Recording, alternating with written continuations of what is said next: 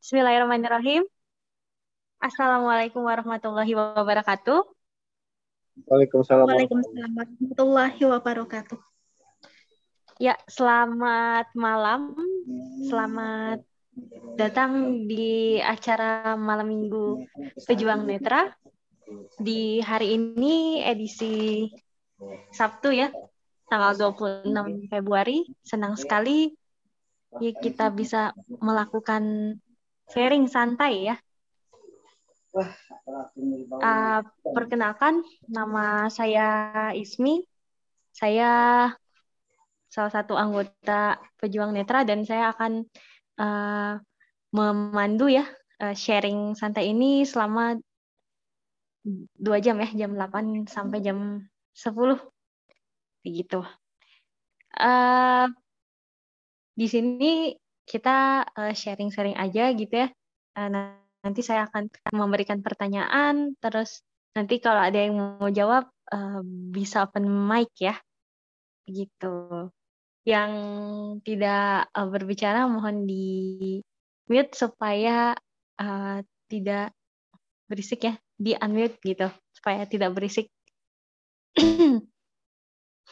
ya, uh, tema pada malam hari ini adalah uh, ya perjalanan uh, disabilitas ya. Uh, dalam eh perjalanan hidup disabilitas uh, dalam ya membawa perubahan gitu ya ke arah yang positif gitu ya.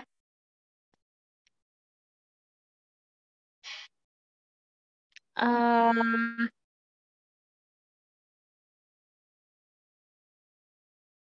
Nah, pertanyaannya nih yang pertama uh,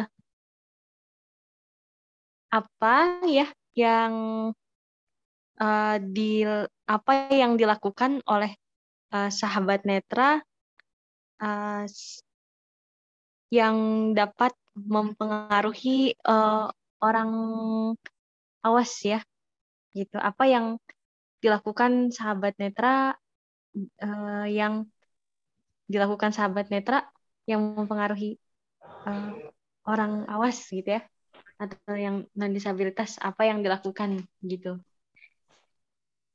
Ada yang mau uh, sharing? Oke siap. Saya Iksan. Oke. Ya terima kasih.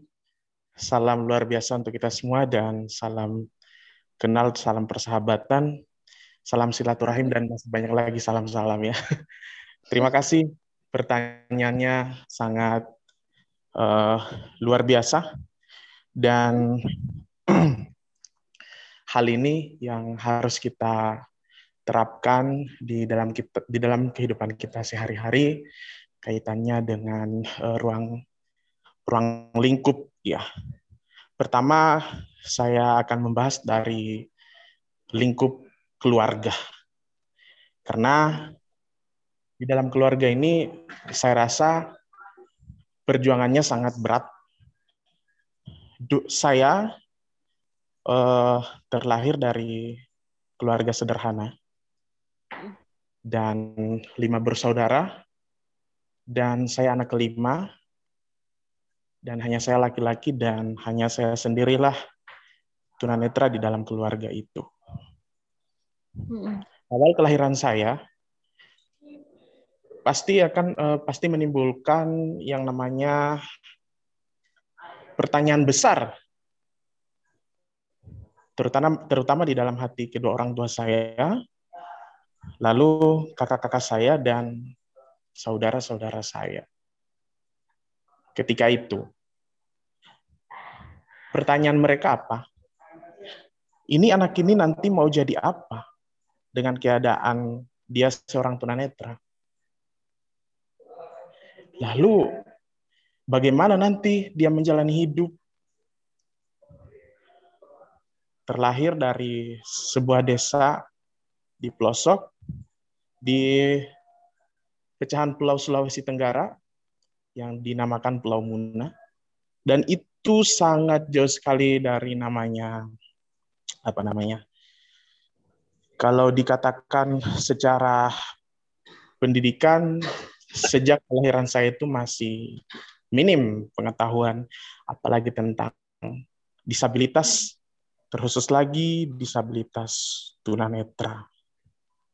Gitu. Dan ketika saya sudah menginjak istilahnya ya saya sudah uh, mulai mengetahui yang namanya pergaulan dan mulai menyadari saya itu berbeda dengan teman-teman di sekitar saya. Saya mempunyai kekurangan dan saya beda dengan kedua orang tua saya, dengan kakak-kakak saya. Mulai situlah saya eh, berpikir,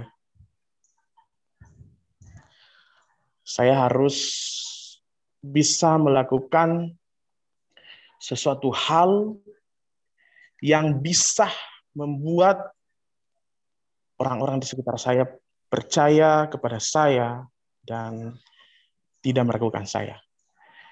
Karena yang membuat saya sadar dengan segala kekurangan saya adalah pelayanan di rumah saya.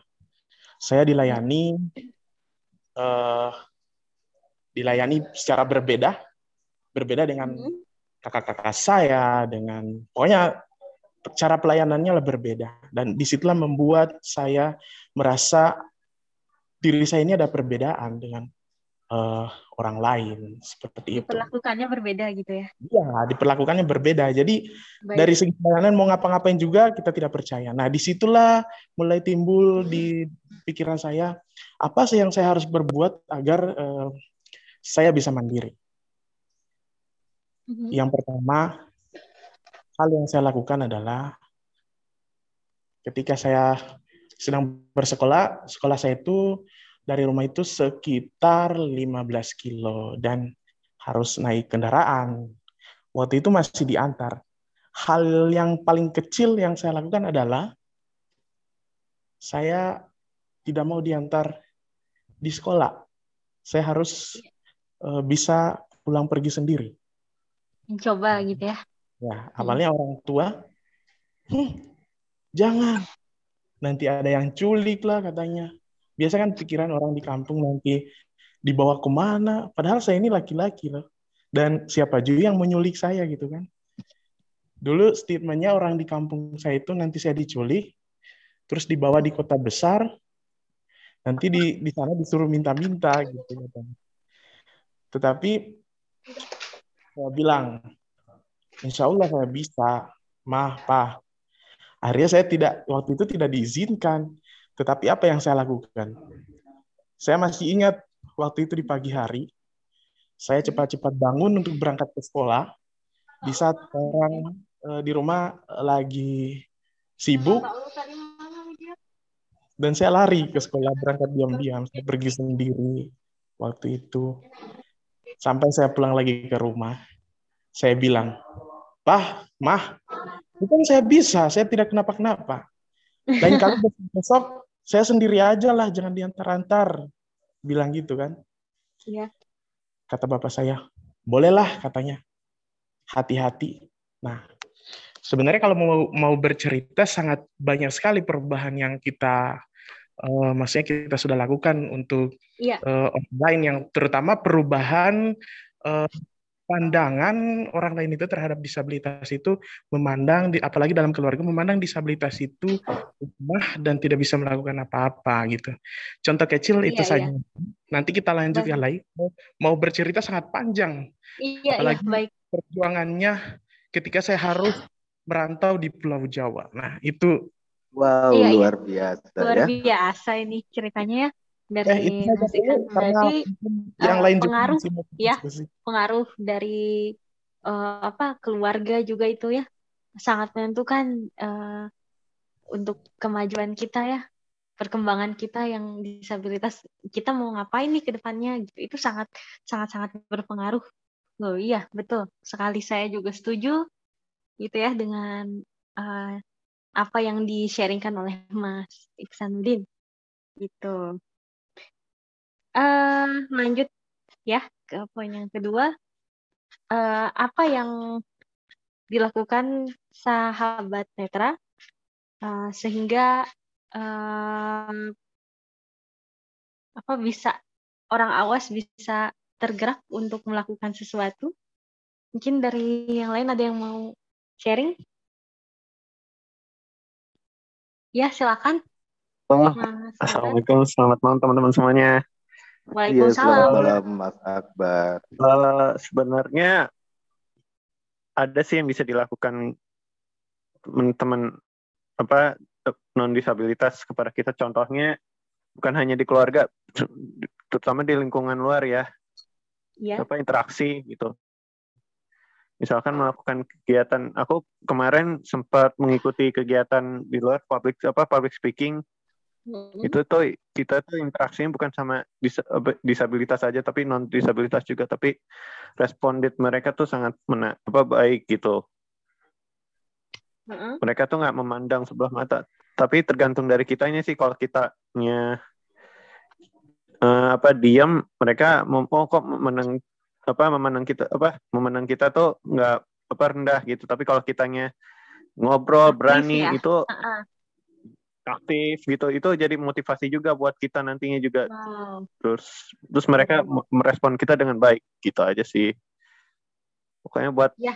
siapa tadi Mas Iksan aku sih ngasih tips ya supaya kita bisa interaksi sama keluarga maupun lingkungan luar buat teman-teman semua juga ya istilahnya kita harus ngebuktiin lah dan juga ngobrol komunikasi itu penting sih itu membuka diri ya intinya. Iya betul. Ya, membuka yang diri ya open minded lah istilahnya. Betul. Uh, saya saya berikan gambaran itu dari sebagian kecil. Kisah yang saya lakukan untuk membawa perubahan terhadap orang-orang di sekitar kita. Iya, baik. Uh, iya. ya dua pandangan yang apa dua uh, sharing yang luar biasa ya. Oh ya dari Mas. Kamal tadi ada yang eh tadi ada yang uh, Raisen. Gimana nih? Halo. Halo. Kedengaran? Ya, halo juga. Ya, kedengaran. Ya, yang saya lakukan itu supaya orang bisa tergerak sesuatu tuh hmm, itu sama seperti yang Mas Abrar bilang kita uh, berani ngomong berani mengkomunikasikan apa pun yang ada dalam diri kita kalau aku sih gini loh jadi aku tuh kalau ngobrol sama orang awas aku tuh selalu uh, berusaha untuk menjelaskan kondisi aku sedetail mungkin kebetulan aku kan ini low vision ya, ya? netranya low vision hmm. jadi aku berusaha untuk menjelaskan kepada mereka apa loh yang aku lihat? Apa sih yang aku lihat? Gitu. Aku tuh kalau ngelihat gimana aku mm-hmm. jelasin uh, semaksimal mungkin dengan cara yang pertama aku jelasin dulu gimana sih cara orang awas untuk ngelihat gitu. Mm. nah baru aku ngejelasin gimana aku bisa ngelihat tuh. Nah kalau orang awas kan ngelihatnya uh, dari kiri ke kanan tuh nggak ada hambatan ya kan membentang 180 derajat gitu. Mm-hmm. Terus kalau kita ngelihat teks jarak satu penggaris penggaris normal kira-kira temen teman-teman udah ada gambaran belum penggaris normal itu panjangnya semana? Saya nggak kebayang sih kalau saya. Oh nggak kebayang ya? Oke nggak apa-apa. Iya jadi jadi ada penggaris itu sekitar 30 cm. Nah itulah jarak panjang kita kalau mau ngebaca. Nah itu jelas teksnya dan gak ada gangguan. Hmm. Kalau saya mata kanannya kan nyaris total cahaya yang masuk sedikit, sedangkan yang kiri itu fokusnya ke tengah doang, semakin pinggir semakin gelap. Nah semenjak saya uh, jelasin itu orang-orang kayak kayak nyaman gitu deket sama saya. Nyaman dalam arti kalau ada acara apa-apa itu saya selalu diajak sampai dipaksa. Bahkan hmm, sampai ini loh sampai sampai diundang waktu itu ke Bandung waktu itu sih. Oh, oke. Okay. itu ke Bandung di daerah apa sih? Lupa lah lupa beneran agak lupa. Ya jadi itulah yang uh, orang awas lakukan kepada saya benar-benar mengundang saya gitu. Bahkan sebenarnya saya tanggal 5 ini diundang secara khusus ke Serang gitu. Tapi itu bentrok dengan jadwal kuliah saya. Jadi itu aja uh, dari saya. Makasih. Intinya begini. Maaf nih, Ibu moderator. Iya. Intinya begini. Saya memang uh, saya betul sepakat komunikasi itu penting. Contoh kecil saja ibarat apa namanya? ibarat pasien dengan dokter. Hmm. Ketika dokter ingin uh, melakukan sesuatu, memeriksa sesuatu, memeriksa pasien tersebut, tentu di sana ada komunikasi. Intinya gini, memang dokter bisa mengobati pasien, tetapi yang betul-betul mengetahui keluhan penyakit sakitnya seperti apa, itu pasien sendiri yang tahu. Seperti itu. Dan disabilitas, contohnya kita tunanetra, apabila kita tidak ada komunikasi uh, dengan orang-orang di sekitar kita, maka orang-orang di sekitar pun di sekitar kita pun tidak sampai kapan pun tidak akan tahu apa yang harus mereka, mereka lakukan kepada kita. Contohnya mereka iya. melayani kita bagaimana, membantu kita bagaimana. Makanya itu ya. uh, pentingnya satu komunikasi antara kita disabilitas netra dengan teman-teman di sekitar kita agar mereka mengetahui uh, apa sebenarnya yang uh, kita butuhkan begitu. Jadi apa yang kita butuhkan seperti itu. Ya baik. Nah kalau uh, sebelum ke poin yang berikutnya saya ingin sharing juga kalau saya disabilitasnya uh, tunanetra total sejak lahir jadi uh, karena saya tidak bisa melihat sama sekali ya total jadi ya kalau uh, apa ya berkomunikasi itu pastinya kalau ketemu dengan yang teman-teman yang non disabilitas itu memperkenalkan diri gitu ya menceritakan sama sih menceritakan saya gitu ya. Uh, saya punya pengalaman uh, dulu saya uh, sekolah di inklusi nah kan saya lagi ngobrol nih sama teman saya gitu. Uh, biasanya kan kalau orang yang sudah paham itu kalau mau pergi gitu ya mau meninggalkan tempat gitu ya uh, saya mau ke sana dulu ya gitu. Saya mau uh, ini dulu gitu tinggal dulu mau pergi dulu. Ini pas saya ngobrol kok tiba-tiba di sebelah saya udah nggak ada orang. Dia nggak bilang. Oh saya ngomong sendiri. Oh terus teman saya yang lain di belakang bilang oh ya itu teman kamu udah pergi. Dia nggak tahu nggak tahu uh, apa uh, cara berkomunikasi dengan disabilitas. Itu yang lucunya. Gitu kan? Gitu. Cek satu dua. Ya. Siapa ini? Selamat malam semuanya. Yes. malam. Iya selamat malam. Ya. Ini uh, sharing ya? Iya. Jadi ini uh, uh, ini sudah dibuka diskusinya. Iya sudah. Uh, sudah mas, dari tadi dibuka. Silakan. Oke oke. Oke perkenalkan teman-teman nama saya Randy Anugrah Waringga. Saya dari Jawa Timur ya. Dari Banyuwangi tepatnya. Saya menderita tunanetra sejak lahir. Saya tunanetra sejak lahir. Nah, ini nih yang harus uh, yang paling penting. Yang paling penting menjadi seorang tunanetra ini harus waduh mentalnya harus benar-benar kuat. Saya itu sudah diuji. Mulai kecil itu sudah diuji. Ini kalau bicara tentang komunikasi saya ini sudah mendapatkan perlakuan yang seperti apa pun sudah. Mulai dari uh, dibohongi temannya. Dulu saya masih kecil itu dibuat mainan ya sama teman-teman ya karena masih sama-sama kecil ya. Jadi saya sok-sokan ya berteman akrab dengan teman-teman yang eh, normal-normal yang awas-awas ya sok-sokan ya.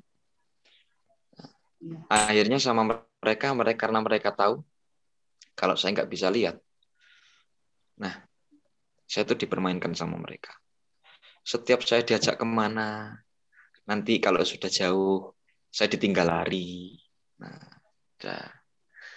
Terus kadang-kadang eh, waktu lewat di jalan, jalannya itu sebenarnya ngiri.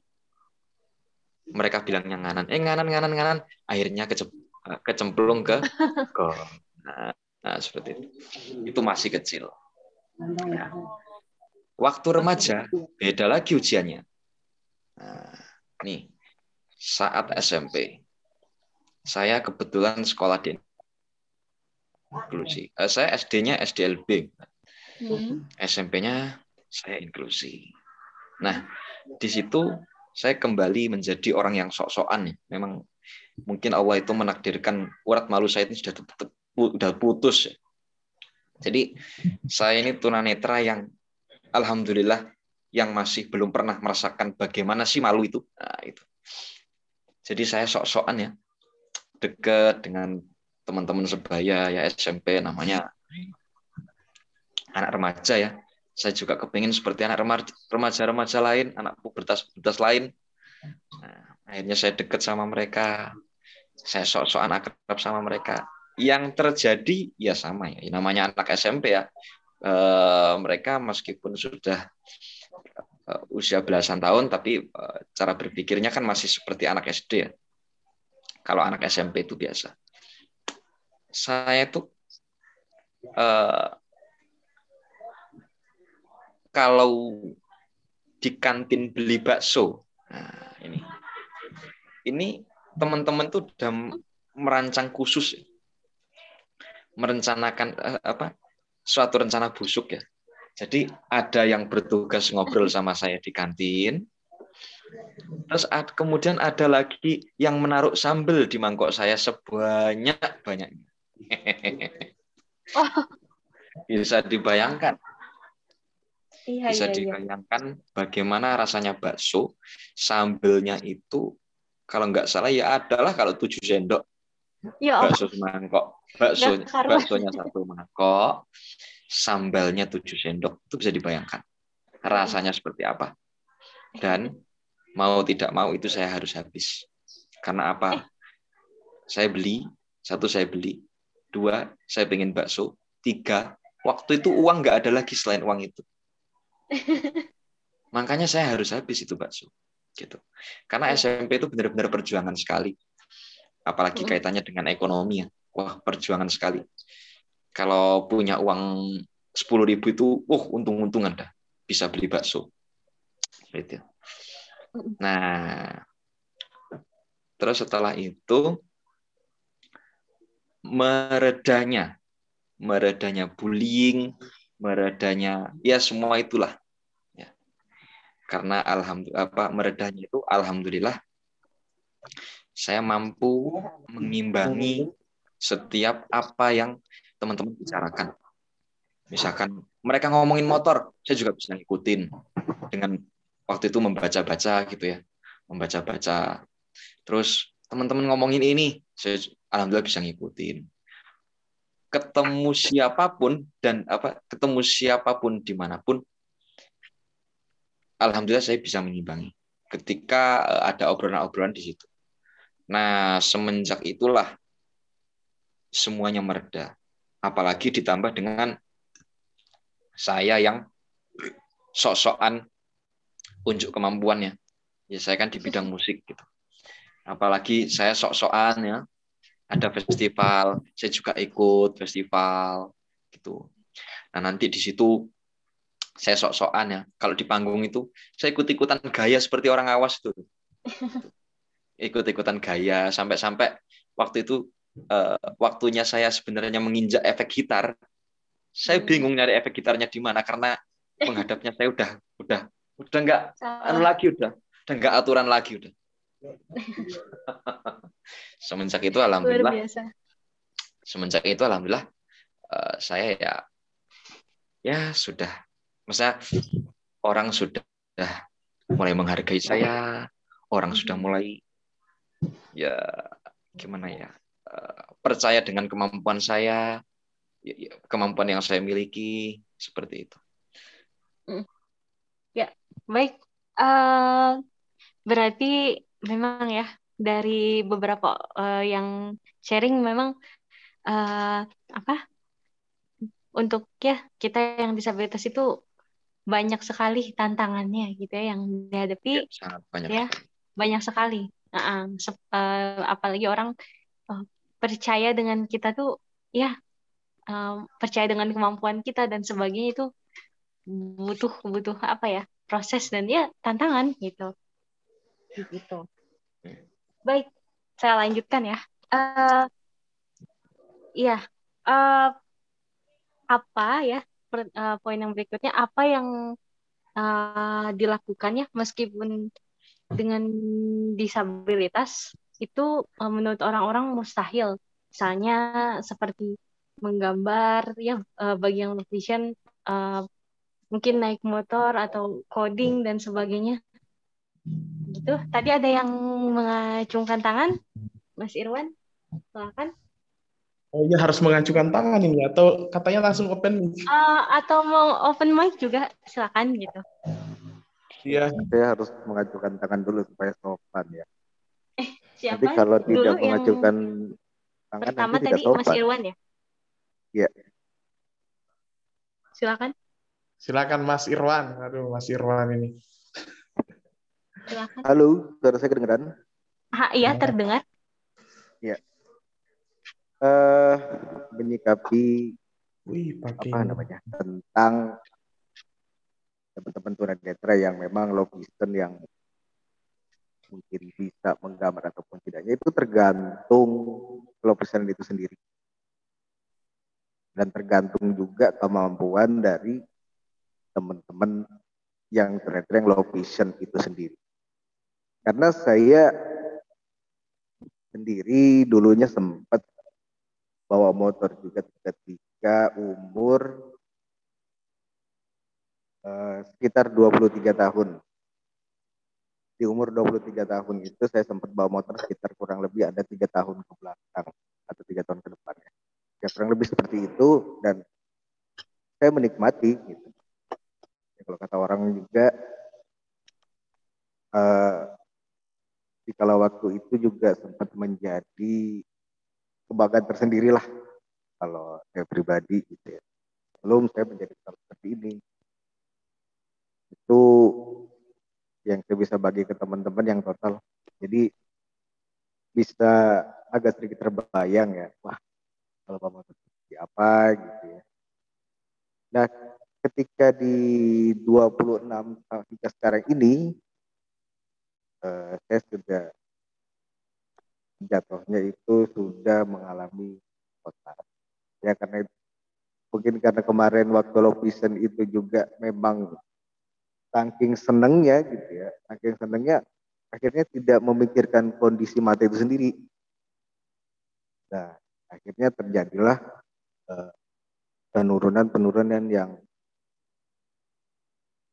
uh, lambat laun, ya. lambat laun menurun menurun mentok di umur 28 saat ini itu sudah jadi buat teman-teman yang low vision dimanfaatkan dan teman-teman hmm. jangan terlalu suka memaksakan dan ya karena kalau vision itu ketika kita mengalami penurunan yang sangat total itu beradaptasinya memang agak sedikit susah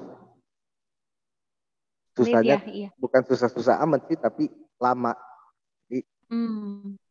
okay. seperti itu kira-kira bu moderator terima kasih Iya sama-sama ya tadi ada lagi ya Iksan. mas Iksan ya tadi masih iya pertanyaannya oh. tadi itu ini ya uh, yang mustahil iya. bagi orang kelas hmm. iya betul iya uh, yang saya lakukan dan pengalaman saya yang uh, orang lain uh, maksudnya di dalam pikiran orang awas itu tunanetra bisa melakukan itu.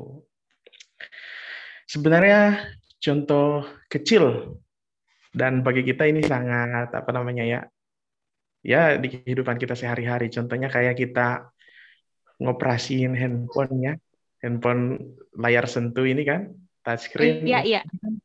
Iya, ini kan hal mustahil gitu bagi teman-teman yang uh, awas apabila melihat kita semua bisa mengoperasikan gadget gitu. Um, saya uh, saya itu kalau misalnya ketika bepergian di suatu apa namanya di suatu uh, kan kampung saya bisa dikatakan lumayan inilah uh, mungkin pengetahuan terhadap disabilitasnya itu dari 100% baru mungkin bisa 0,5 persen gitu ya. Iya. uh, jadi kalau ketika saya berpikir kayak misalnya umum atau naik atau di mana pun itu, walaupun saya tidak ada uh, interaksi di handphone, tapi saya gitu suka sengaja gitu membuka handphone. Bukannya sombong, bukannya sombong ya seperti orang sombong lah kelihatan. Tujuannya bukan sombong ya. Tujuannya itu ingin memperlihatkan kepada orang teman-teman yang non disabilitas bahwasannya tunanetra itu uh, bisa mengoperasikan gadget gitu.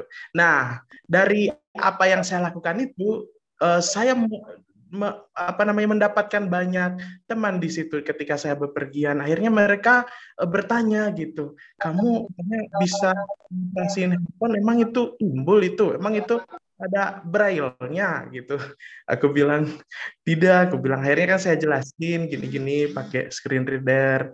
Nah, itu uh, dari contoh kecil yang uh, apa namanya? yang menurut was uh, orang orang non disabilitas mustahil yang dilakukan oleh tunanetra itu uh, contoh kecil sehingga mereka yang tadinya tidak tahu mereka jadi tahu gitu. Jadi tahu. Kenapa saya sering melakukan demikian? Karena uh, ketika saya di sosial media misalnya bergabung dalam satu grup uh, hmm. grup misalnya komunitas lah di di di dalam grup tersebut itu saya uh, hal yang pertama ketika saya gabung grup di grup Facebook itu sama sama dan disabilitas yang saya ceritakan itu ya keadaan diri saya dan di situ saya betul-betul memperlihatkan kedisabilitas kedisabilitasan saya.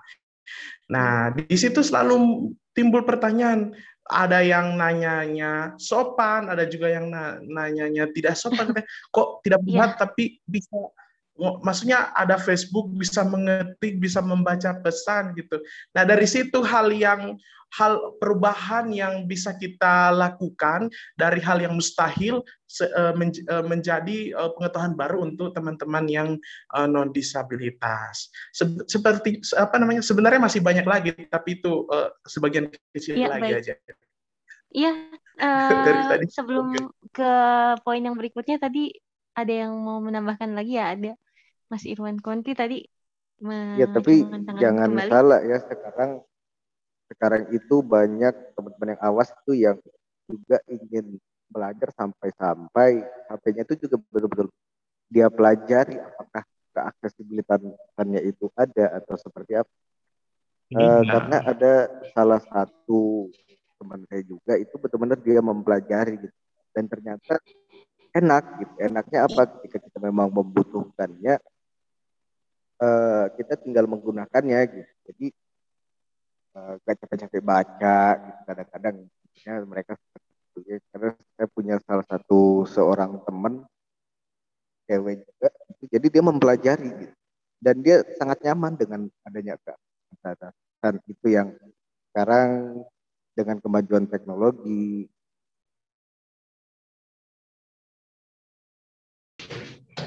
Oke.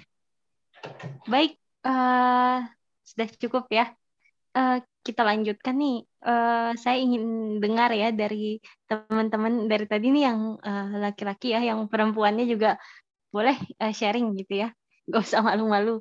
Nah, yang berikutnya, poin yang berikutnya,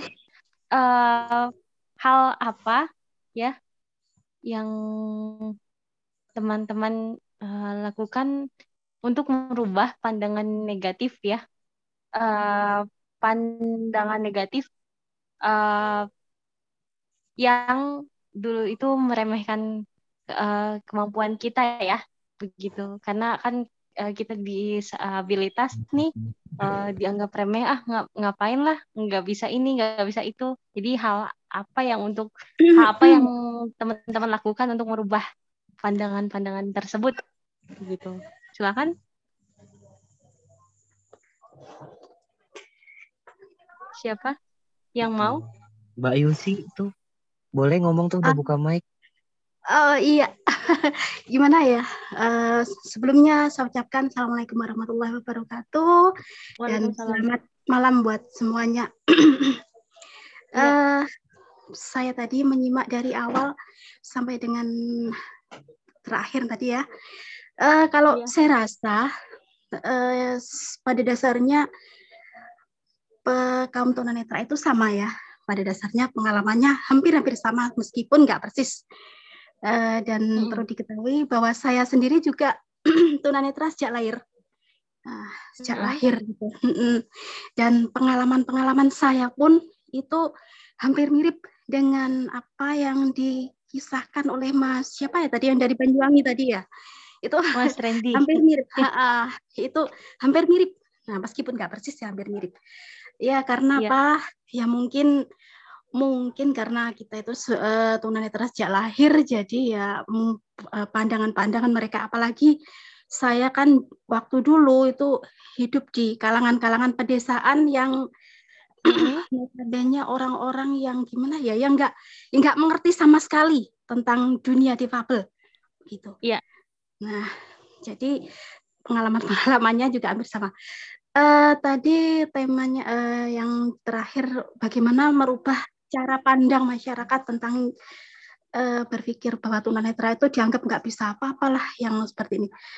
Kalau ya. saya di tempat saya sekarang ya karena saya itu terus terang aja selalu berpindah-pindah tempat ya dahulu. Nah itu hmm. meski saya harus beradaptasi dari lingkungan satu ke lingkungan yang lain. Nah eh, karena saya merasa bahwa saya itu perlu dengan masyarakat satu ke masyarakat yang lain dan juga memang betul masyarakat kita nggak mudah juga untuk uh, bergaul terhadap masyarakat apalagi yang memang mereka-mereka yang nggak nggak ngerti sama sekali bagaimana uh, lingkup tunanetra itu sendiri. Tapi dengan pengalaman saya seperti ini, Mbak, saya sebagai seorang wanita, apalagi khususnya ibu-ibu ya, mm -hmm. itu apa yang mereka mereka lakukan. Jadi kita terus terang kalau saya masa bodoh, artinya yang penting saya ngikut suatu contoh misalkan yasinan, ya itu aja ya contoh kecil yasinan. Saya harus ikut uh, di kegiatan mereka meskipun ada beberapa pandangan mereka itu ah ini dia bisa apa? Kan nggak ada bukunya dan lain sebagainya. Tapi kita pelan-pelan harus menunjukkan uh, bahwa kita memang benar-benar mampu. Nah, kebetulan untuk tunanetra rata-rata kan hampir semua bisa menguasai buku Al-Qur'an ya itu itu bisa. Nah, itu kita kita uh, kalau pergi ke kegiatan seperti itu kita bawa nah kita kita bawa uh, Al-Qur'an. Nah, terus kalau misalkan mereka tanya ini apa? gitu kita kita harus nunjukin. Kita harus nunjukkan bahwa ini buku Al-Quran sama seperti yang mereka mereka bawa. Hanya saja bedanya kalau ini buku braille yang ini eh, yang mereka bawa itu Al-Quran biasa. Lantas kita biasanya mereka nanya ini gimana bacanya? Seperti itu. Nah kita baca. Nah, akhirnya kan mereka perlahan-lahan jadi ngerti, oh ternyata tunanetra itu nggak nggak nggak se apa ya istilahnya nggak seperti yang mereka bayangkan bahwa mereka itu ternyata eh, kaum tunanetra itu ternyata bisa untuk apa namanya berkomunikasi beradaptasi atau mungkin mm, melakukan apa yang seperti mereka-mereka atau masyarakat lain melakukan. Terus lagi memasak itu itu biasanya tetangga dekat kita yang mengetahui gimana cara uh, kita berperilaku sehari-hari, misalkan membersihkan rumah atau memasak atau dan lain sebagainya. Itu mereka pasti kalau orang zaman sekarang kepo gitu ya pasti pengen tahu ya, gimana sih mereka gimana sih eh, Mbak Yusi itu uh, hidup atau uh, kok bisa mereka uh, Mbak Yusi itu um, memasak atau gimana atau gimana uh, melakukannya seperti itu. Nah akhirnya kan mereka mau tidak tahu mau mengintip gitu. Jadi entah itu nanti mereka itu berbahasa basi pengen main lah apalah gitu. Jadi gitu ya. Jadi mereka ini ya, benar -benar. Uh, tahu. mereka jadi tahu kalau saya atau mungkin tunanetra yang lain itu bisa melakukan kegiatan-kegiatan rumah tangga seperti eh, keluarga-keluarga yang lain yang non disabilitas begitu. Terus satu contoh lagi misalkan apa-apalah yang mereka mungkin nggak uh, anggap kita bisa, tapi kita memang benar-benar mampu. Kita menunjukkan kemampuan kita. Bukan berarti sombong ya mbak ya tapi ya, karena betul. kita pengen pengen disamaratakan atau pengen tidak dikucilkan begitu. Jadi hmm.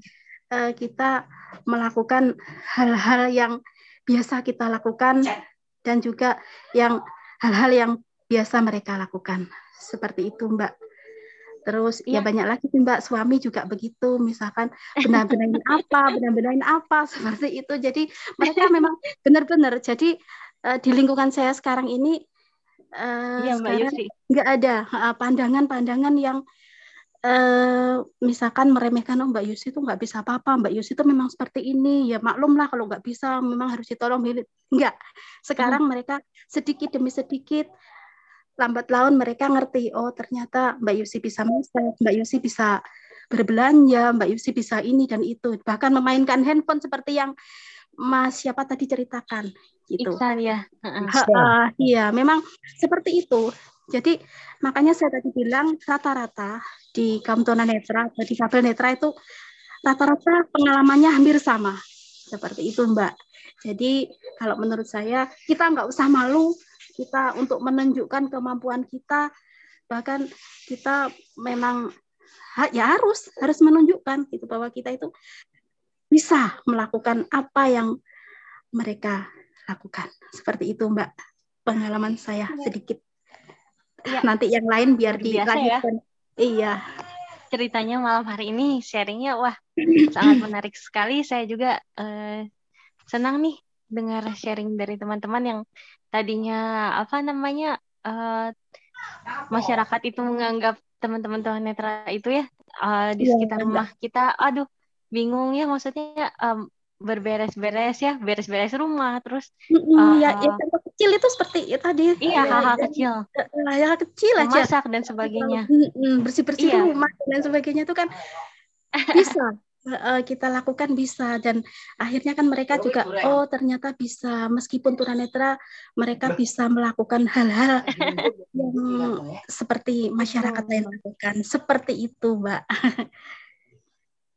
Iya terima kasih mbak Yusi udah sama sharing mbak. bersama sama di sini. Oke. Okay. ya siap uh, lanjut ya ke ya poin yang berikutnya. Uh, hal apa yang Eh, teman-teman uh, lakukan untuk menarik uh, perhatian teman dekat at, uh, atau uh, ya apa yang teman-teman lakukan untuk menarik perhatian teman dekat uh, di lingkungan teman-teman ya. Cek ya tadi siapa yang bertanya? Eh yang mengacungkan tangan? Udah dua lagi ya nih Ya. Iya, silakan. Uh, silakan ya. Mas duluan. Oh iya, saya duluan atau Mas duluan nih? Iya, Mas, um, Mas Randy duluan boleh? Oh gitu ya. Silakan Mas Randy. Okay. Saya dari tadi soalnya terlalu banyak. Oke. Okay. Ya, ya, masih ya, terdengar? Iya masih masih. Berarti pengalamannya banyak kalau banyak terus. Jadi ya. kalau saya ini untuk menarik uh, teman-teman atau orang Perhatian. agar mau berteman dengan saya. Itu dengan cara yang kadang-kadang itu nyeleneh nyeleneh gitu. Teman-teman yang di sini kalau tahu saya ya yang aslinya. Saya itu orangnya nyeleneh teman-teman. Jadi untuk menarik perhatian itu maaf nyeleneh itu lucu ya atau gimana? Iya, nyeleneh itu lucu. Jadi saya melakukan dengan cara yang yang lucu. Nyeleneh itu unik, Mas. Unik, ha, unik, unik. Unik, Nah, ya, ya. sih. Jadi saya itu kalau misalkan kepingin kenalan sama temen awas gitu ya. Satu contoh di sekolah saya dulu inklusi. Nah, pertama-tama kan teman-teman itu nggak ada yang menyapa saya. Saya kalau mau kenal sama mereka, saya dengar suara mereka arahnya ke mana, saya injek kaki mereka. Nah, Otomatis-. Nah, mereka semua kan eh, mereka yang orang yang saya injek ini tadi kan teriak, eh, sopo siapa ini yang injek ini? Nah, terus akhirnya saya Hmm. Mas, Mas, atau Mbak, saya minta maaf, minta maaf ya Mbak, nggak sengaja, Mas, maaf nggak sengaja. Ya, perkenalkan nama saya Randy, juga murid baru di sini. Nah, seperti itu. Nah, itu. Terus kalau misalkan di mana ya? Misalkan gini, di warung. Ini nih orang ini keadaan nggak kenal semua nih, ya. Nggak kenal semua. Kalau di warung kan biasa ya, kalau kan kita nggak ada yang saling mengenal kan kalau namanya di warung itu karena di situ kan tempat umum kan nah nanti kalau di situ ada obrolan-obrolan kan biasanya kalau orang itu kan kalau sedang di warung kan ngajak temennya nah kemudian ngobrol-ngobrol nah itu saya tuh kadang-kadang kalau waktunya obrolannya tuh eh, pas nyambung ke otak saya saya juga eh, ikut nimbrung dalam obrolan mereka meskipun saya belum kenal satu orang pun di antara mereka. Tapi ya gayanya udah sok-sok kenal lah gitu. Sampai akhirnya itu sehingga mereka itu akhirnya menjadi teman akrab. Banyak tem- teman akrab saya itu yang ketemunya itu awalnya hanya di warung, hanya di itu banyak gitu. Nah, Hmm. seperti itu kalau saya sih. Jadi dengan cara-cara yang seperti itu. Iya, Eh, jadi cara-caranya nyeleneh ya, cara-caranya itu eh, apa? Lucu, Iya. menginjak kaki ya. Jadi orang tuh gimana gitu. Iya. Oke. Ya baik, tadi yang kedua siapa? Mas X. Mas Mas Iksan, Mas Iksan ya? Iksan. Gimana? Iya. Sebenarnya tadi juga em, saya sudah jelaskan bagaimana menarik perhatian eh, teman-teman di sekitar kita sehingga teman kita itu mau berteman dengan kita. Sehingga orang di sekitar itu mau berteman dengan kita dan kita bisa kenalan gitu. Contoh kecil tadi itu seperti kita mengoperasikan handphone di tempat Hmm. umum, ada yang penasaran bertanya, akhirnya kita ngobrol dan obrolan berlangsung jadi tukaran nomor handphone. Itu sering sering sekali saya alami itu eh, apa hal-hal seperti itu kayak gitu. Sehingga jadi teman gitu. Contoh kecilnya lagi nih ketika saya eh, misalnya di kampus eh, di tempat perkuliahan kan di dalam ke- eh, di dalam kelas itu mahasiswanya sebanyak 45 orang dan saya sendiri tunanetra pada waktu itu. Tadinya saya tidak ada teman di situ. Ketika saya masuk ke dalam kelas, saya eh, masih ingat dulu eh, pertama kali saya ke sini itu diantar ya jujur aja diantar sama kakak gitu. Karena setiap hal yang baru yang kita lakukan itu keluarga khawatir gitu. Tapi Hmm. eh, masih panjang ceritanya masih panjang eh, ini hanya contoh kecil aja nih. Diantar di dalam kelas sama kakak di tempat perkuliahan dan kakak pulang lagi dan saya di situ otomatis nggak ada teman gitu nggak ada teman. Akhirnya apa yang saya lakukan gitu?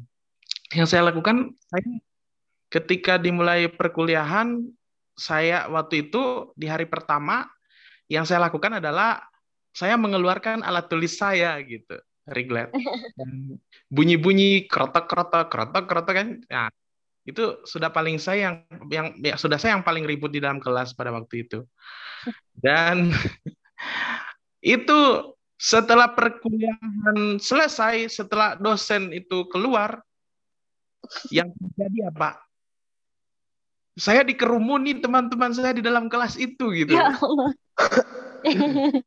Penasaran. Kenapa bisa seperti itu? Kenapa bunyinya kayak gitu? Kata mereka tuh. Aku akhirnya saya jelasin ini alat tulis tunanetra bla bla bla bla. Akhirnya mereka kenalan, hmm. kenalan. Pengen nyobain ah, aku juga pengen nyobain. Aku juga pengen belajar braille, boleh, boleh, boleh. Nah, dari situ akhirnya yang tadinya saya tidak ada teman, satu hari eh, aktivitas di tempat perkuliahan itu hari itu juga saya jadi banyak teman di dalam kelas. Hanya memang kadang ketukar-ketukar karena uh, suara mereka belum saya belum terlalu uh, uh, mengenal ya. Susah membedakan kecuali orang-orang yang dekat dengan uh, tempat uh, duduk saya gitu. Nah, jadi kita ini uh, pesan nih buat kita semua untuk teman-temannya juga. Hmm. Apa pun itu identitas apa pun juga ya terhadap kita seorang uh, tunanetra itu jangan pernah uh, artinya jangan pernah kita sembunyikan justru sebelum orang lain mengetahui kita sendirilah uh, yang apa namanya istilahnya yang memperlihatkan identitas kita itu.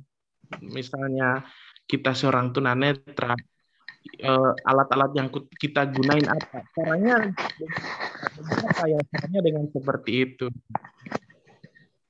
Oke. Okay. ya itu yes. saja dulu. Baik uh, tadi ada yang uh, Ryzen lagi Galaxy J2 siapa itu silakan tadi ada yang Ryzen Galaxy J2 nama akunnya Silahkan, ada yang ingin di-sharingkan?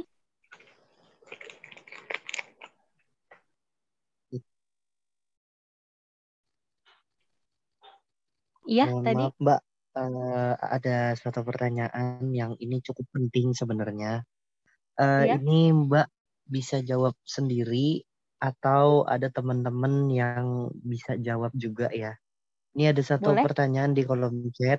Oh nah, iya. Ini bela gimana cara belajar menggunakan HP ataupun komputer bagi teman netra gitu dari Mbak dulu habis itu mungkin Mbak tunjuk satu orang gitu Mbak makasih oke okay. dari dari saya dulu ya uh, kalau saya pertama kali belajar komputer itu waktu itu kelas uh, 4 SD jadi dikenalkan dulu ya sama nggak nggak belajar menggunakan laptop tapi menggunakan komputer PC yang memang uh, apa tombol keyboardnya uh, apa uh, besar ya. Jadi dikenalkan dulu huruf gitu ya. Lama itu juga setahun itu kelas 5 SD baru hafal posisi abjad A B C D gitu ya. Pertama kan A S D F. Nah, itu dikenalkan dulu sampai hafal gitu. Terus uh, Z X C. Nah, itu tombol-tombol di bawahnya Nah, jadi nggak berurutan A B C D gitu. Jadi dari dari pertama ASDF ya sejajar dulu tombol-tombol yang sejajar. Nah, setelah bisa baru berurutan. Terus di kelas 5 SD uh, udah mulai ngetik satu kata satu kata gitu ya.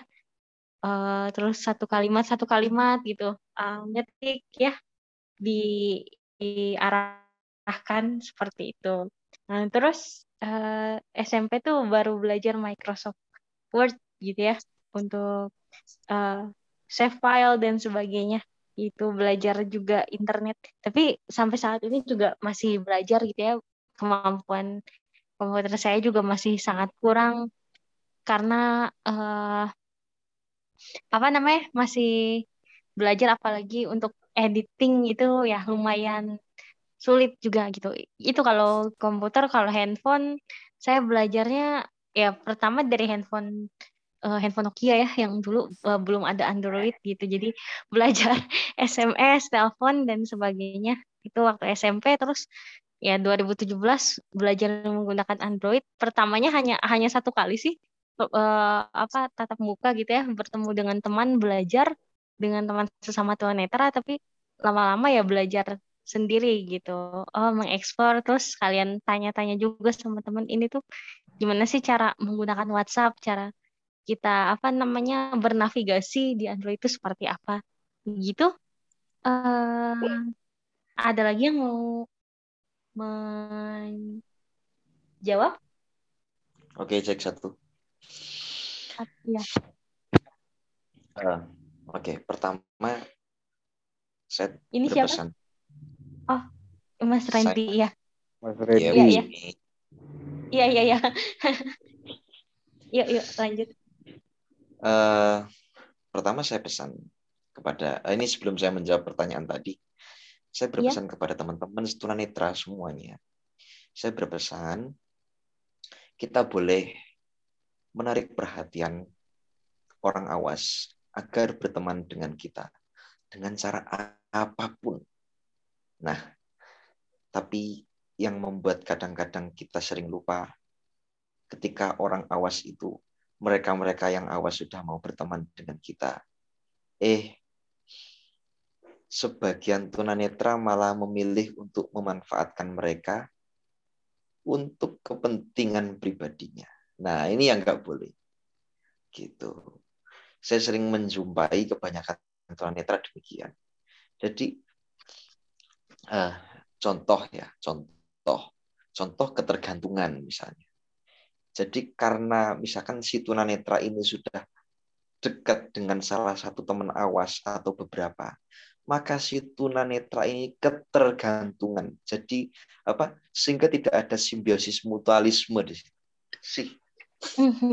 itu.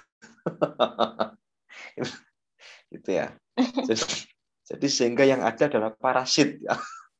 Gitu. Makanya uh, nah maka dari itu kalau bisa, kalau bisa, kalau bisa itu mutualisme. Jadi mereka membantu kita, kita juga harus bisa membantu mereka. Kita jangan hanya minta bantuan aja sama mereka, tapi juga kita juga Betul. harus menunjukkan bahwa kita bisa membantu mereka. Mereka yang awas itu maksudnya. Seperti itu. Ya. Nah, itu yang kebanyakan kadang-kadang kebanyakan dilupakan sama tunanetra itu itu itu ya. Iya. Terus untuk pertanyaan yang kedua, eh pertanyaan yang kedua, tadi ada yang bertanya ya, bagaimana iya. belajar handphone ya, belajar komputer. Nah, kalau pengalaman saya dulu saya pernah ditipu orang, ya. Waktu itu, nah ini ini ini ini jangan sampai ditiru sama tunanetra tunanetra lain. Ya. ya. Tunanetra tunanetra lain jangan sampai ditiru. Saya itu dulu males belajar instalasi, ya. Baik itu instalasi aplikasi apa screen reader handphone ataupun laptop komputer. Itu saya males. Sehingga saya pokoknya maunya terima beres. Nah, waktu itu saya nyuruh orang untuk melakukan instalasi yang hmm. orang ini juga tunanetra sih. Nah, tapi hmm. dia mampu melakukan itu. Nah, instalasi tok di handphone ataupun di laptop, saya harus membayar uang sebesar 500 ribu. Satu kali instalasi. Yang sebenarnya itu sangat-sangat mudah dilakukan oleh kita. Nah, Makanya itu. Saya dulu pernah ditipu orang dan kemudian ada yang menyadarkan saya. Sama tunanetra juga sih. Gitu. Ada yang menyadarkan saya sehingga alhamdulillah eh, kemudian saya mau belajar instalasi sendiri. Screen reader. Iya. PDA eh, terus kemudian eh, top apa Eloquence, Damayanti mulai yang di Nokia sampai yang di Android. Gitu. Kalau untuk belajarnya sama sih ya, berawal dari HP Nokia. Waktu itu Nokia N70 ya. Nah, kalau Nokia N70 itu modelnya kan kalau A tekan angka 2 satu kali, B dua dua hmm. kali. Nah, itu. Terus kemudian berlanjut saya belajar uh, HP E63. Itu sudah mulai Q, W, R, T, Y, O, Y, O, P.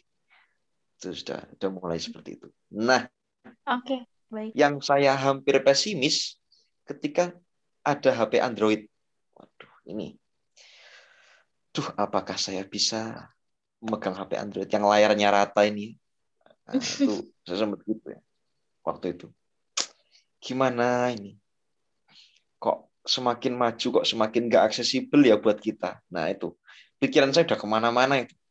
Nah, tapi alhamdulillah ya karena uh, saya kenal sama teman-teman tunanetra tunanetra yang alhamdulillah baik hati ya terutama tunanetra tunanetra yang di kota-kota besar ya nah itu yang yang alhamdulillah membantu saya bagaimana uh, supaya saya bisa mengoperasikan HP Android itu. Nah, ya alhamdulillah sampai sekarang ini sudah akhirnya uh, saya mampu mengoperasikan HP Android berkat bantuan mereka-mereka.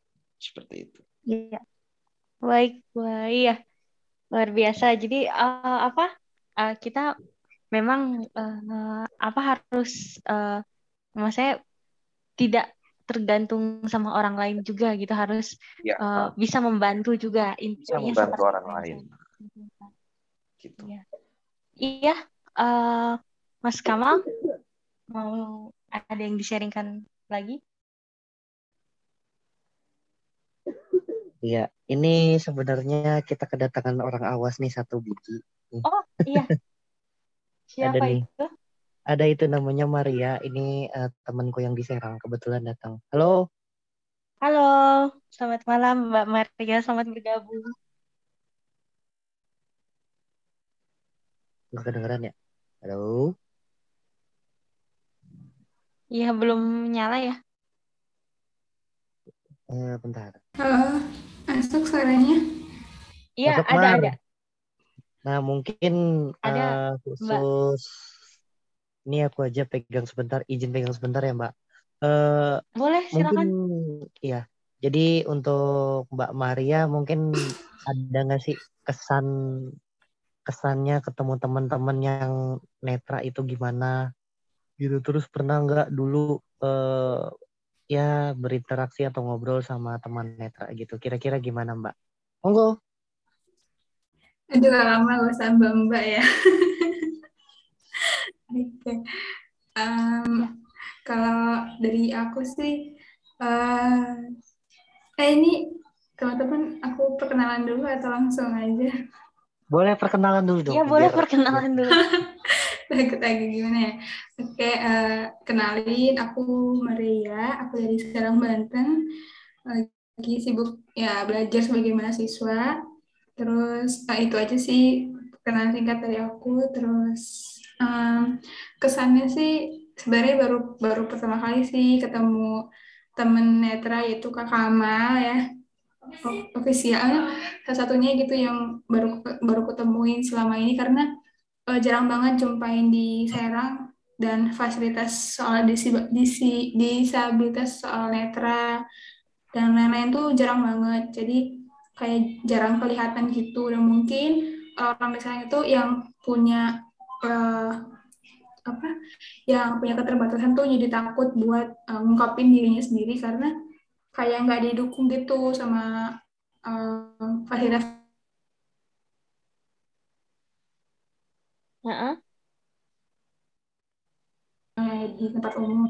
Dan aku tuh ngerasa apa ya ngelihat ngelihat apa ya jadi senang juga gitu walaupun ini semangat karena uh, apa pun yang kita jalanin tuh ya tetap aja jalanin dengan ceria kayak gitu dan itu tuh jadi satu apa ya jadi satu um, apa ya, jadi kalau misalkan lagi kayak misalkan lagi ngerasa uh, males atau gimana aku tuh kayak mikir teman-teman di sana juga nggak malas-malas bang nggak malas-malas yang gimana gitu aku hidup pun uh, jangan yang malas gitu. Dan uh, apa ya jadi punya pengalaman baru juga sih wawasan baru juga. Apalagi ya lagi-lagi ke kamar gitu ya jadi satu motivasi gue juga kalau ngeliat dari Jakarta gitu ya jauh-jauh ke Serang cuma buat ketemu kami-kami doang gitu kan.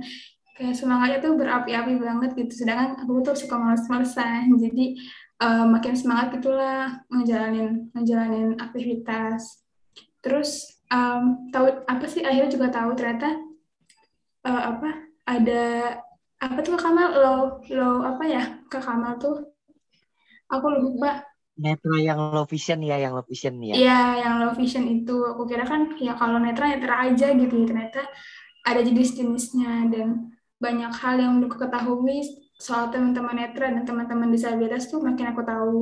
Dan aku juga sering nyari juga sih kayak oh penyandang disabilitas tuh kayak teman tuli atau teman bisu kayak gitu-gitu tuh ternyata punya cara komunikasi yang berbeda dan punya cara uh, interaksi yang berbeda sama orang-orang. Kayak gitu sih kak Ismi. Iya. Kak. baik. Terima kasih ya untuk uh, Mbak Maria ya sudah sharing gitu. Jadi memang senang ya bertemu dengan teman-teman yang disabilitas menjadi uh, apa motivasi juga gitu ya dan inspirasi juga tentunya begitu. Uh, jadi banyak tahu juga ya yang tadinya tidak tahu. Uh, oh disabilitas itu ada yang tunanetra, ada tunanetra juga ada yang low vision begitu ya jadi tahu gitu. Ada jenis-jenisnya. Oke, okay. Baik. Uh, saya lanjutkan kembali. Uh, yang berikutnya ini uh, bagaimana cara ya teman-teman memotivasi diri sendiri ya. Bagaimana cara teman-teman memotivasi diri sendiri yang belum uh, berbicara nih. Uh, silahkan ya. Ada Mas Fuad, ada Mas Sofian, ada uh, siapa Mbak Teh Riri juga ya. Riri Syariatul Halidah ya silakan. Ya.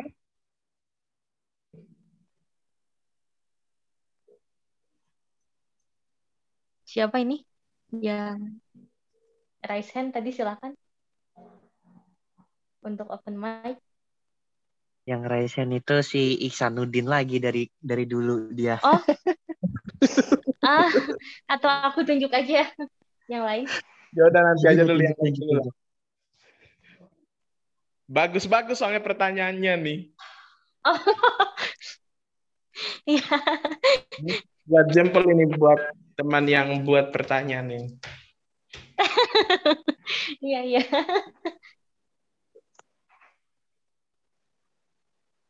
mau hmm. ya ada yang disampaikan Halo. Nah, ya. Oh ini nih. Uh, Umi siapa?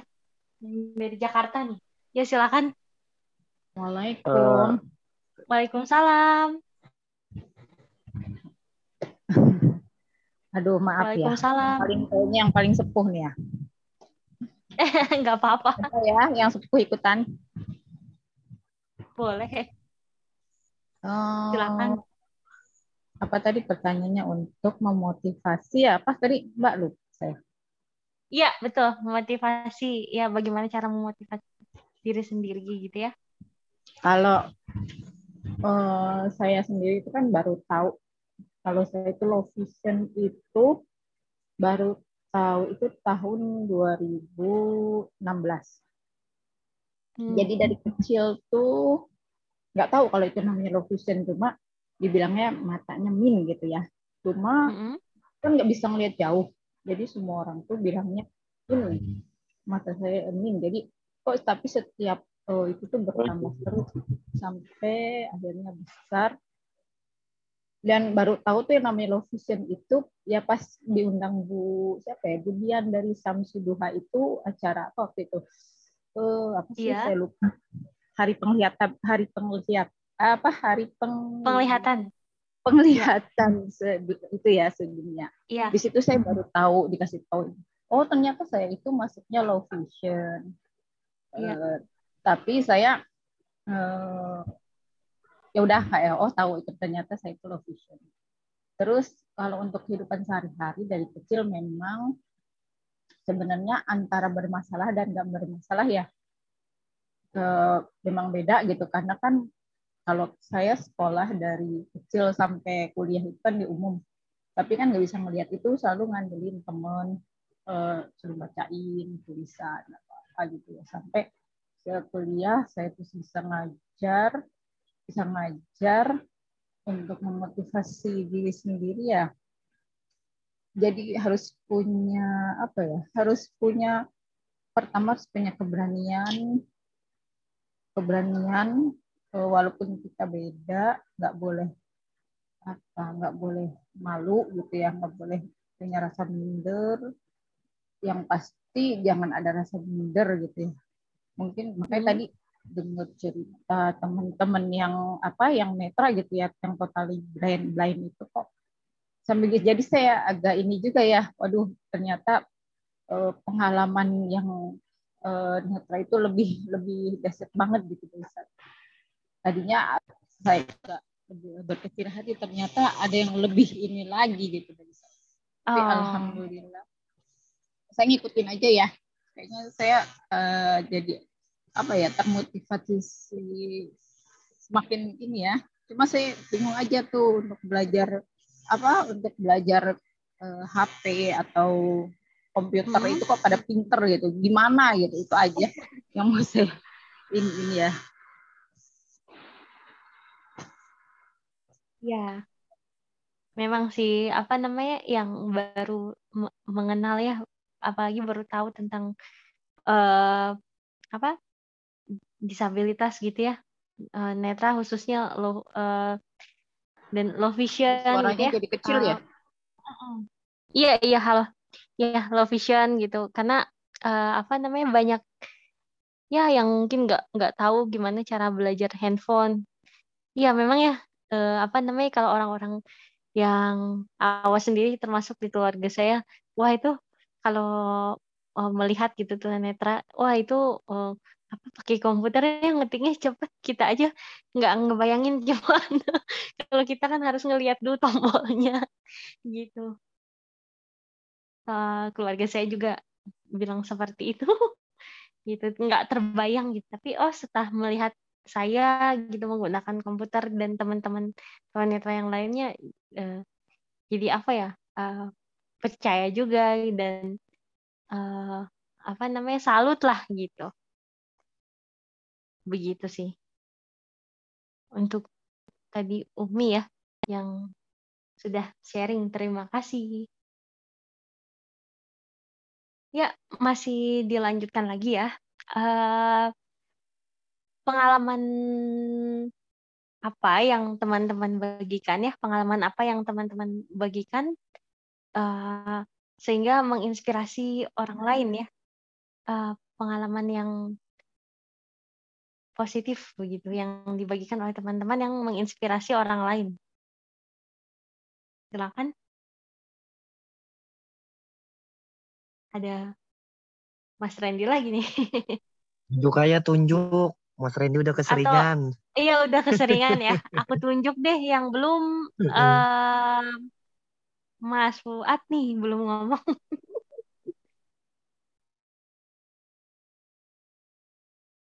Mas Fuad belum. Masih ada? Cek. Cek. Iya. Maaf, jaringannya mungkin agak jelek ya. Jaringan saya. Oh iya nggak apa-apa. Tapi jelas ini.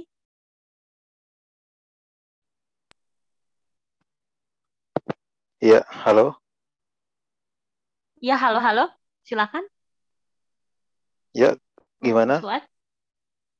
Suara saya? Em, Iya iya terdengar terdengar. Iya, gimana? Terdengar. jadi kecil ya Oh, atau saya ulang lagi? Ya, jadi pertanyaannya pengalaman apa yang teman-teman bagikan ya eh, untuk menginspirasi eh, orang lain, pengalaman positif ya. Begitu. Ya, eh, baik. Ya, terima kasih atas kesempatannya. Em, ya, sejujurnya saya tidak tahu juga ya karena saya tidak saya juga tidak pernah menanyakan eh, langsung ke orang-orang ke orang lain ya. Cuma kalau dengar-dengar, maksudnya hanya dengar-dengar begitu, mungkin apa kayak yang eh, apa ya, saya akhirnya bisa kayak bisa melanjutkan kuliah bahkan sampai S1 sampai S2 itu pun eh, apa ya banyak yang orang-orang yang nggak percaya gitu bahkan bisa sampai keluar keluar apa namanya keluar pulau begitu ini hal itu yang bagi sebagian orang itu kayak tidak mungkin gitu Jadi mungkin eh, apa ya? Mungkin eh, saya juga tidak pernah dengar langsung sih dari om mulut orang lain, cuma eh, kayak berseliweran gitu, eh, apa kayak ketidakpercayaan begitu. Kalau oh ternyata bisa begitu. Untuk apa ya? Eh, untuk lebih detailnya kurang tahu juga sih. Hanya hanya kayak ungkapan-ungkapan ketidakpercayaan pada awalnya seperti itu.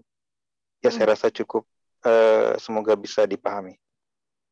Oh, Oke, ya. Atau ada pertanyaan ada ada pertanyaan lain untuk ini untuk lebih mendalami. Maksudnya? Eh, kalau penjelasan saya kurang lengkap mungkin bisa ditanyakan kembali. Oh iya, sudah cukup. Ya, Eh, terima kasih. ya, sama-sama. Ya, eh sekarang sudah menunjukkan pukul 9 eh pukul 21 lewat 22 menit ya. Masih ada setengah jam lagi waktu kita tidak terasa nih. Sharingnya pada malam hari ini sangat menarik dan seru sekali ya. Saya juga eh, senang gitu ya mendengarkan sharing dari teman-teman.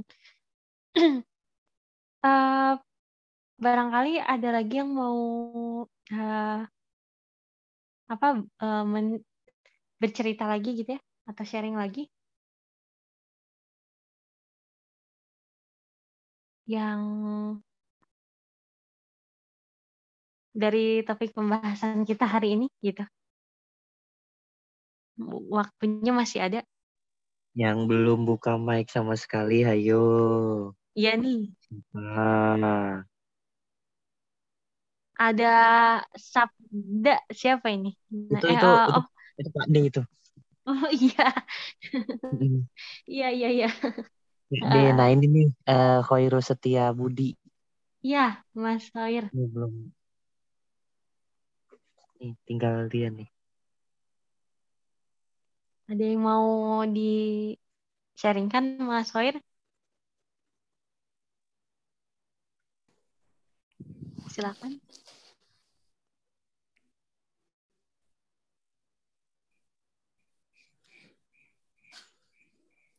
Maaf dong sebentar mau nanya. Oh, Siapa iya. ya yang bisa yang bisa ngajarin eh, Umi HP apa tuh eh, pakai talkback gitu? Oh, Mungkin yang di Jakarta ya. oh, iya. Ya untuk teman-teman yang di Jakarta mungkin bisa apa eh, bantu Umi bisa kenal chat. Ih, Ya, Mas Abrar. Tadi raise hand. Gimana Mas Abrar? Oh, oh. Iya.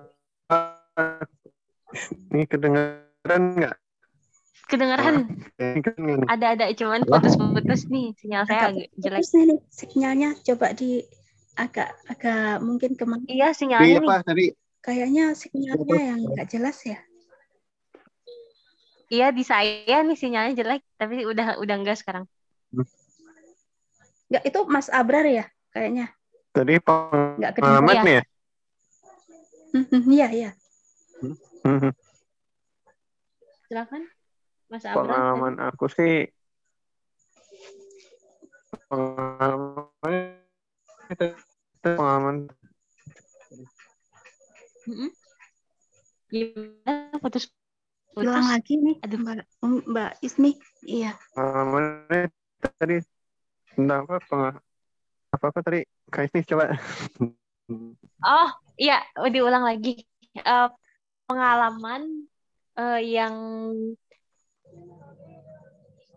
dapat Yang bisa menginspirasi orang lain, lain. yang eh, yang dapat pengalaman Bisa positif yang dapat menginspirasi. orang lain.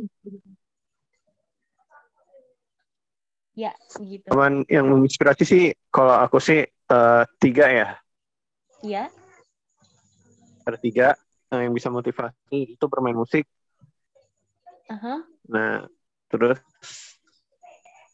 misalkan kayak aku main piano atau nyanyi itu juga menginspirasi juga sih. Terus juga kayak bikin apa kayak terus juga uh, menulis mis misalkan menulis apa kayak apa content writing gitu content writer. Iya.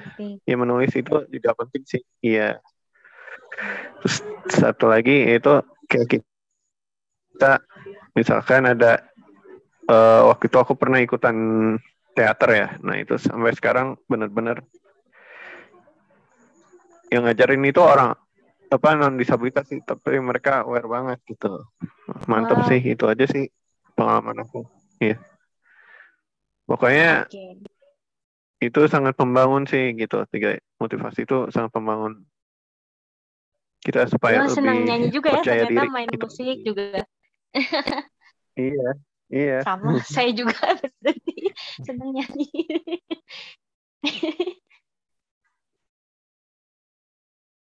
gitu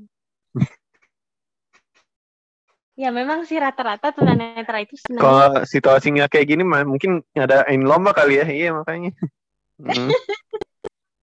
iya sekarang lomba-lomba hmm. semua online gitu hmm. virtual hmm. nyanyi juga virtual Mas Abra ya, virtual aja semoga yeah. pejuang mitra bisa offline nanti di Jakarta ya Iya. Ya, ya mudah-mudahan aja gitu. Iya. Hmm.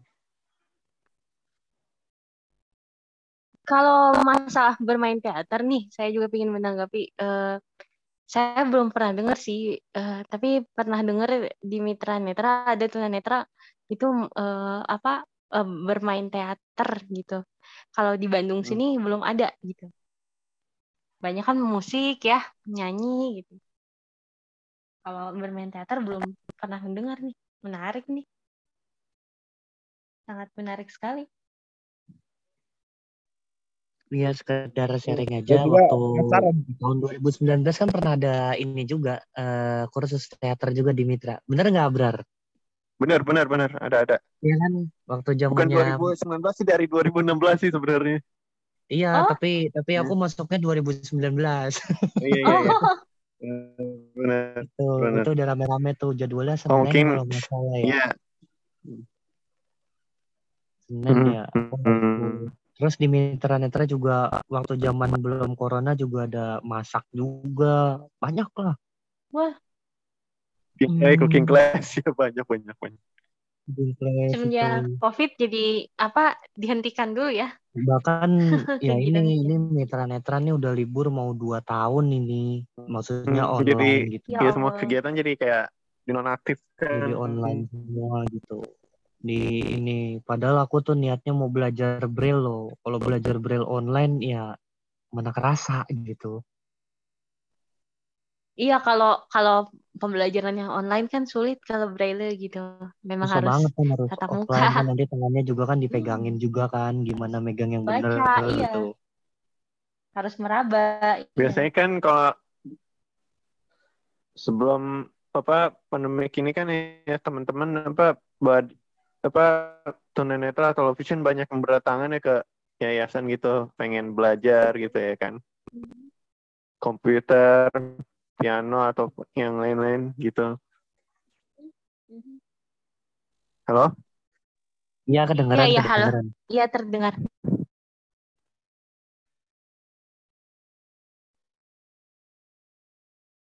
Iya. ya memang sih di sini juga di Bandung Mitra Netra ada, tapi apa namanya uh, baru komputer aja kegiatannya belum ada kegiatan yang lain. Hmm. Makanya mudah-mudahan aja. Ya putus-putus. Gimana? Kalau di sana gimana kayak tes nih kalau di Bandung? Kan kalau di Jakarta. Ya uh, apa? Mungkin kan ada kayak musik teater dan kalau di Bandung itu apa? Selain musik sama ini apa Oh, dulu sih pernah ada uh, bahasa Inggris kalau nggak salah, terus bahasa Prancis juga, tapi nggak lama. Jalannya cuma setahun gitu. Setahu saya. Wow, menarik banget ya kalau itu kalau iya itu pengajarnya itu teman saya sendiri itu eh, ya sama-sama satu kampus cuman beda jurusan gitu iya menarik Beda kalau di jurusan. bahasa Prancis Hmm. Hmm. Di Kan jarang Bandung ya. ada kayak kursus selain bahasa Perancis atau bahasa Inggris, ada kayak bahasa Jepang nggak misalkan teman-teman di ada, Jakarta sih belum juga ada. ada sih. Apa teman-teman kalau tem- eh, kalau di Jakarta ada teman-teman yang ini low vision yang ngajar bahasa Jepang. Oh Iya. oke oke oke Oh, khusus di Jakarta sendiri ada hampir tiga orang malah yang itu terus Iya, berbicara Mm-mm. tentang bahasa juga eh, apa namanya? eh, kita juga bisa ya menunjukkan kemampuan kita ya. Eh, teman-teman yang disabilitas itu di bidang bahasa ya, Hmm. di bidang seni juga iya supaya orang lain itu bukan menunjukkan kemampuan lagi Hmm. iya apa namanya eh, ter apa ya termotivasi gitu ya eh, dengan Mm-mm. iya keahlian gitu yang kita miliki Mm. gitu. Tuh.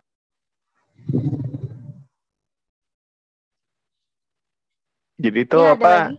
Ya. non disabil apa non apa non disabilitas tuh nggak memandang kita sebelah mata iya kan benar Betul, Hmm. betul, betul, betul. Setuju itu. Hmm. Ya, untuk sharing hari ini, eh kalau pertanyaan-pertanyaan sih sudah selesai. Begitu. Dari Oh. poin-poin pembahasan sudah selesai. Apa ada yang mau eh, sharing lagi atau Saya mau menambahkan Tunanetra itu ada di setiap daerah ya.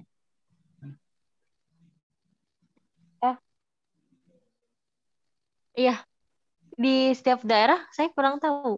Kalau di Bandung ada, kalau Jakarta juga, pusatnya Jakarta. Nggak tahu daerah lain. Belum ada kalau nggak salah. Kayaknya belum nyampe lah kalau kalau ke semua daerah kayaknya. Mungkin Hmm. hanya di seputar Jakarta dan Jawa Barat. Jawa Timur kayaknya saya belum pernah dengar nih. Atau mungkin hanya karena saya Belum. sendiri yang belum pernah dengar. belum belum Oh ya, belum ada ya, Cuman- benar. belum Belum tapi kalau Timur. tapi kalau lembaga kursus yang persis mitra netra itu ada memang Itu ada ah, di Surabaya kan? Ah, Surabaya. ya? Hmm, ya. di Surabaya ada di Yogyakarta ada Enggak di Jawa Timur, Mas Randy. Oh, Ah, di kalau Jawa Timur. di Jawa Timur di Surabaya ada Di di Surabaya Malang kan? juga ada Di Malang, ya. ada Ya itu hanya kursus-kursus aja. Kalau mitra-mitra kayaknya belum ke daerah-daerah. Itu, ha, belum. belum kalau tapi lembaga yang sama seperti mitra netra itu memang ada gitu Ya, barangkali suatu saat ada ya, Mas Randy. di Jawa Timur. amin amin mudah-mudahan.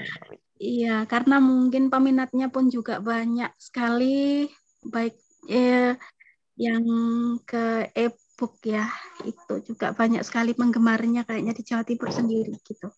ya gitu mbak tapi sekarang ini kayak mitra netra itu kan sudah mengadakan kelas-kelas online Kelas-kelas online. kita bisa ikut di, di, di situ kita bisa ikut dan kelas-kelas online tersebut alhamdulillahnya tidak dipungut biaya alias gratis gitu. Betul. Iya, betul.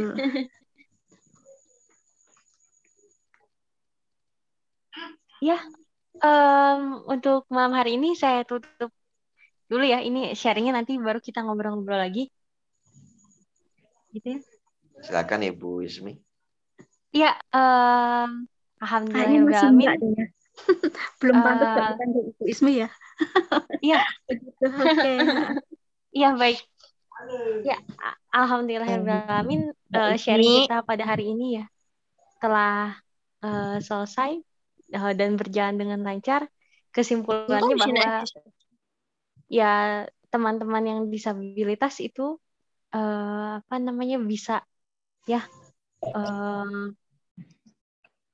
bisa uh, berkarya ya bisa uh, melakukan apa pun itu gitu ya. Uh, tidak dipandang sebelah mata itu uh, bagaimana kitanya sendiri ya gitu yang um, membuka diri gitu ya. Dan uh, jangan malu juga untuk uh, bergaul gitu ya berbaur bersama teman-teman yang non disabilitas gitu ya uh, semangat terus untuk kita semuanya uh, terima kasih saya uh, yang memandu acara ini mohon maaf jika ada kekurangan dan kesalahan karena uh, kesempurnaan hanyalah milik Allah Subhanahu wa taala. Terima kasih. Wassalamualaikum warahmatullahi wabarakatuh. Waalaikumsalam warahmatullahi wabarakatuh. Terima kasih.